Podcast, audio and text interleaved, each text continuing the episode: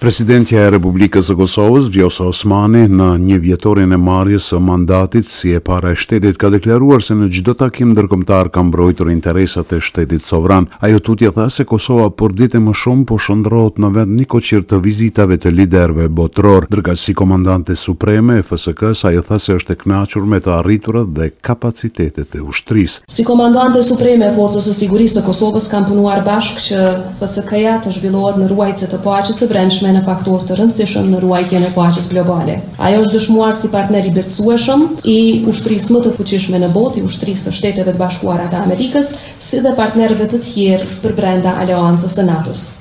Presidentja Osmani foli edhe për ballafaqimin me pandeminë Covid nëntëmbëdhjetë dhe sigurimin e vaksinave për qytetarët e vendit. Ndërkaq e pyetur për zgjedhjet e fundit në Serbi, presidentja tha se Serbia vazhdon t'i shohë Kosovën, Malin e Zi dhe Bosnjë e Hercegovinën si shtete të përkohshme. Institucionet e Republikës së Kosovës u kanë dhënë të drejtë qytetarëve serbë që kanë dyshtetësi të votojnë qoftë nëpërmjet zyrës ndërlidhëse, qoftë nëpërmjet postës apo edhe duke nënshkruar një marrëveshje bilaterale, kanë qenë tri opcione, asnjëra nga të cilat nuk është pranuar nga ana e Serbisë. Ndërkaq për moslejimin e zgjedhjeve të Serbisë në Kosovë dhe ndikimin eventual në dialog, ajo tha se Kosova nuk ka kontribuar në asnjë mënyrë që të tensionohet situata rreth dialogut. Pritjet tona janë shumë të mëdha nga Bashkimi Evropian dhe natyrisht institucionet e Kosovës do të kontribuojnë në këtë drejtim, Por nuk mund të them që kemi pritje optimiste sa i përket sjelljeve të Serbisë. Ky është proces megjithatë në të cilin ne duhet të angazhohemi vazhdimisht dhe ta japim më të mirën tonë, sepse duhet të përqendrohet në njohjen reciproke e ky është interes i Republikës së Kosovës.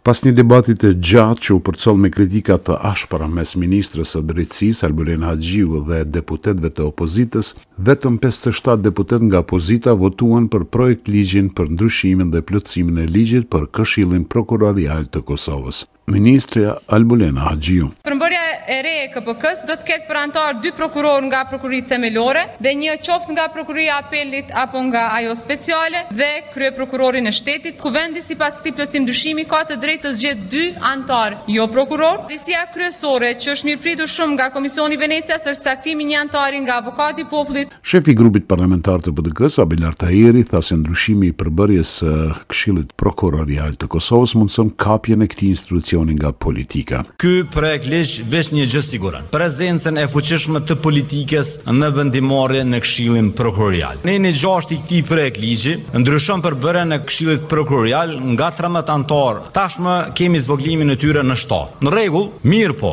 zvogëlimi do duhej të jetë proporcional. Driton Selmana i LDK-së tha se projektligji është joprofesional. Ky draft që na ka ardh neve sot përpara, është ndër dokumentet më joprofesionale të shkrume najherë dhe më kontradiktore dispozitë prej dispozite. Kush i ka shkru këto po them përsëri, o lidhje s'ka me drejtësinë. Kritika për projektligjin patën edhe deputetë tjerë të opozitës. Ndërkaq deputeti i Vetëvendosjes Parti në pushtet, Artan Abrashi tha se me këtë projektligj synohet reformimi i sistemit prokurorial. Ne dëshirojmë që të kemi një sistem prokurorial i cili i lufton ata që e shkelin ligjin. Ne nuk dëshirojmë këshill prokurorial apo kryeprokurorë të cilët menjëherë pas përfundimit të mandatit përfundojnë në lista zgjedhore të partive politike. Kërkojmë kryeprokurorë kompetent për zgjedhjen e të cilëve nuk kontestohet në këto përmasa të asaj se çka ndodhi dje dhe sot. Gjendja e rënduar ekonomike, ngritja e çmimeve të artikujve bazë ushqimorë ka bërë që sot të dalin në rrugë për të protestuar një numër i madh i qytetarëve anëtarë të Bashkimit të Sindikatave të Pavarura të Kosovës. Të tubuar para Qeverisë së Kosovës, ata kërkuan realizimin e kërkesave të tyre, ndryshe kërcënuan se do ta çojnë vendin në grevë të përgjithshme. Kryetari i Sindikatës së Korporatës Elektroenergjetike të Kosovës, Nexhat Llumnica. Këta punëtorë që janë sot,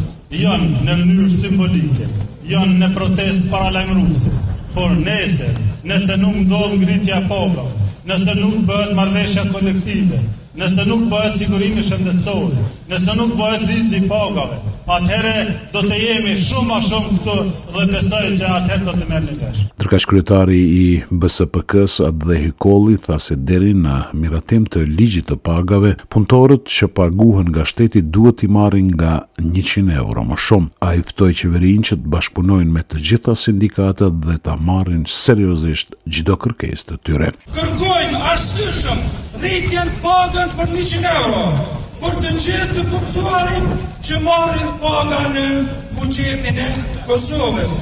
Inspektorati Policor i Kosovës ka arrestuar sot njëzet e gjashtë zyrtarë policorë të dyshuar për veprat penale Keqpërdorimi i detyrës apo Autoritetit zyrtar dhe Marrja e ryshfetit, po sot Prokuroria e Posaçme kundër Korrupsionit dhe Krimit të Organizuar e Republikës së Shqipërisë njoftoi se janë arrestuar shtatëmbëdhjetë punonjës policie dhe atë në Në pikën kufitare Morinë që ndan Republikën e Kosovës dhe atë të Shqipërisë.